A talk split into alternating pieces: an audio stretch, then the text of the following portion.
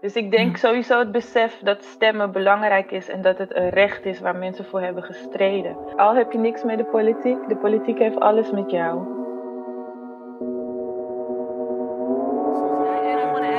Mr. Vice President, I'm speaking. I'm speaking. Hoezo is diversiteit interessant? Non-binair relevant? Wat bedoel je met de rol van de man? We wonen toch in Nederland? Er is hier niks aan de hand, dus we zouden moeten doen. I'm speaking. Welkom bij I'm Speaking. Ik ben Sophie En ik ben Coco. en in deze podcast gaan we op zoek naar de manieren waarop het patriarchaat nog altijd springlevend is. Maar zo vlak voor de verkiezingen moeten we het natuurlijk over de politiek hebben. Precies, want dat stemmen is nou niet bepaald een eh, gemakkelijke opgave. De partijen buitelen zo'n beetje over elkaar heen. Maar hoe vind je in dat waanzinnig grote aanbod nou de partij en de persoon die staat voor wat jij belangrijk vindt? Dat vraag ik me ook al een tijdje af, want ik ben al maanden aan het zweven. Dus in de aanloop naar 17 maart hebben we drie kandidaten gesproken die deze verkiezingen meedingen naar een plek in de Kamer. Zijn geen lijsttrekkers en ook niet de top drie in de peilingen, maar wel hele belangrijke stemmen. Zij vertellen over hun keuze voor de politiek, hun kijk op een gelijkwaardig Nederland en ze geven ook stemtips. Yes, we trappen af met bijeen. De partij is in 2016 opgericht door Savannah Simons. En sinds 2018 zitten zij met één zetel in de gemeenteraad van Amsterdam. Ze zetten zich heel duidelijk in voor radicale gelijkwaardigheid en economische rechtvaardigheid. Onze eerste gast is Fayishta Miskin, nummer 15 op de lijst van Bijeen. Ze is vakbondsmedewerker en al heel lang bezig in de politiek. Zo leidde ze eerder de jongerenraad van Amsterdam Zuidoost. Welkom, Fayishta. Dankjewel. Ja, welkom. Nou, we zitten vlak voor de verkiezingen. Uh, hoe is het nu voor jou? Is dit een hectische tijd? Ja, als, uh, als je lager op de lijst staat, dan duurt het altijd even uh, voordat de drukte jou bereikt. Maar ik kan zeggen sinds vorige week dat het een gekke huis is. Dus het gaat oh ja? heel goed met de campagne. Ja, het gaat heel goed. Ah, dat is goed om te horen. En ehm, kun je iets ons vertellen, ons meenemen in dat proces? Waarom heb jij voor de politiek gekozen en hoe ben je op de lijst van de Bijeen terechtgekomen? Uh, politiek gekozen. Ik denk niet dat het echt een keus was vroeger. Um, ja, ik kom uit een uh, familie die, nou ja, best wel, hoe ouder ik word, hoe bijzonderer ik het vind. Toen ik klein was, vond ik het heel normaal. Mijn moeders kant, dat zijn activisten, die staan op de barricades. En van mijn vaders kant zijn ze meestal actief in de politiek of vaak actief in de politiek. Uh, dus ja, het onderwerp hoe kan je de wereld verbeteren of hoe maken we de wereld mooier, dat was wel een regelmatig onderwerp uh, bij ons thuis. Uh, dus dat is heel natuurlijk gegaan als het ware. Zo ben ik eigenlijk bij de jongerenraad ook terechtgekomen, want ik dacht, oh ja, ik wil wel ongevraagd en gevraagd advies geven aan ja. het stadsdeel Zuidoost. Uh, dat lijkt me fantastisch. Mm. Dus we hebben in die tijd uh, hele leuke evenementen gedaan voor jongeren, informatie opgehaald en dat dan gebundeld en aangeboden aan de toenmalige stadsdeelraad. Dat was de eerste keer zeg maar in functie dat ik iets met de politiek deed. Oké. Okay. En je zegt net al in je familie aan de ene kant activisten op de barricades, aan de andere kant uh, politiek actief. Als jij nu kijkt naar de politiek, hoe denk je dat de politiek echt kan bijdragen aan een gelijkwaardiger Nederland? Wat vind jij op dit moment de belangrijkste aandachtspunten? Onderwijs en arbeid. Uh, er is veel ongelijkheid uh, in het onderwijs en dat is vaak niet bewust. Maar er wordt op een bepaalde manier gekeken naar het gedrag van kinderen of de thuissituatie wordt meegewogen. Terwijl ik altijd denk als een kind een moeilijke thuissituatie heeft en nog steeds goed scoort op een CITO-toets, uh, hoe krachtig is dat kind dan wel niet? Uh, ja. En zou je dat kind juist niet uh, nog hoger moeten waarderen, omdat het ondanks moeilijke omstandigheden toch heel goed doet op school?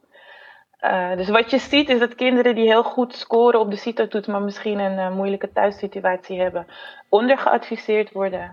Vervolgens een hele lange weg moeten afleggen om toch uiteindelijk een bachelor te halen. Dat doen ze dan ook. Maar het kost ze wel heel wat jaren en dat, ja, dat zorgt voor ongelijkheid. En, en wat zou je daaraan willen doen? Ik denk dat de CITO-score gewoon leidend moet zijn. Uh, ik denk dat dat een hoop zou schelen je start is lastiger. Je hebt het overwonnen. Je doet het goed. Dat moet gewoon beloond worden. Uh, en dan hoef je er niet uh, zeven jaar over te doen om je bachelor te halen. Ja, het geeft je gewoon een achterstand op je leeftijdsgenoten. En dat is zonde. Ja, en dat werkt ook door natuurlijk later op de arbeidsmarkt, die negatieve Zeker, zeker. Effecten. Ja, en over arbeid. Het minimumloon is te laag, uh, vinden wij bij bijeen. We steunen daarin het standpunt van de vakbond. Om het minimumloon te verhogen naar 14 euro per uur. Omdat we denken dat als je fulltime werkt, je rond moet kunnen komen. En nu is het zo dat vermogende mensen belastingvrij een ton mogen schenken aan hun kinderen om een huis te kopen. Wat verder prima is, denk ik. Uh, maar op het, in hetzelfde Nederland uh, wordt een vrouw gekort op haar bijstand omdat haar moeder boodschappen voor haar doet. Dus die ongelijkheid daarin uh, is ook gewoon bizar. En dat moet wel echt veranderen. Ja, dat is inderdaad lastig te rijmen. Nu is het bijna 17 maart en mogen we allemaal gaan stemmen. Nou, we zijn heel erg benieuwd uh, naar tips. We weten natuurlijk allemaal dat we online stemwijzers kunnen invullen. Uh, we zouden in theorie ook alle part partijprogramma's kunnen lezen, hoewel dat er dit jaar wel heel veel zijn. Ik weet niet wie dat allemaal echt gaat doen. Heb jij nog tips voor mensen die nu zitten te luisteren? Hoe kan je je nou goed oriënteren op het aanbod dat er is, zodat je kunt stemmen ja, op de juiste persoon, op de thema's die, die voor jou zelf belangrijk zijn. Hoe pak je dat aan? Ja, ik denk sowieso dat het belangrijk is om te beseffen dat uh, het vrouwenkiesrecht nog niet heel lang bestaat. Uh, volgens mij hebben we net de 100 jaar aangetikt. Uh, voor vrouwen van kleur heeft het nog iets langer geduurd. Dus ik denk ja. sowieso het besef dat stemmen belangrijk is en dat het een recht is waar mensen voor hebben gestreden. Dat dat belangrijk is om in je achterhoofd te houden. Dan inhoudelijk zou ik zeggen, uh, kijk welk onderwerp voor jou belangrijk is. Uh, mm-hmm. En vergelijk dan daar de standpunten van partijen van. En probeer op basis wat voor jou het belangrijk is een keuze te maken. Uh, en ik zou zeggen, ben je voor gelijkwaardigheid en economische rechtvaardigheid? Ja, dan is bijeen gewoon je partij. Wij proberen links naar links te trekken, dus uh, iedereen is welkom. Iedereen is welkom. Nou, dat is, sowieso mooi om te horen, denk ik. En uh, misschien nog één vraagje aan het begin van de campagne. In het begin was het wel rustig, als ik, omdat ik wat lager op de lijst sta. Maar nu is het echt een gekkenhuis. Jullie zijn natuurlijk een nieuwe partij, een redelijk nieuwe partij. Die uh, kun je daar wat meer over vertellen? Wat, uh, hoe ziet die campagnetijd eruit voor jou? Uh, voor mij, nou, ik woon in Amsterdam Zuidoost. Ik ben voornamelijk hier actief. Ik doe ook mee aan een collectief dat heet Zuidoost Stemt. Omdat we de opkomst in Zuidoost willen verhogen. dus we gaan boven de partijen heen ook de straat op om mensen op te roepen om te gaan stemmen. op dit moment stemt ja, de laatste verkiezingen hebben heel weinig mensen gestemd in Zuidoost, terwijl ze heel veel te winnen hebben. Dus ja, daar ben ik ook nog mee bezig. En voor één jaar ga ik naar de lokale radio. Ik sta elke zaterdag op een markt te flyeren. Ik loop postbussen. Uh, ik ga met mensen op straat in gesprek. Uh, op anderhalve meter, moet ik erbij zeggen. Uh, ja. ja. Dus ja, ik, ik ben elke dag wel ergens te vinden in Zuidoost. Het is heel leuk. Het is echt heel leuk. Ja. En wat zijn een beetje de sentimenten? Zijn mensen blij dat jullie meedoen? Wat hoor je van de, burgers op straat?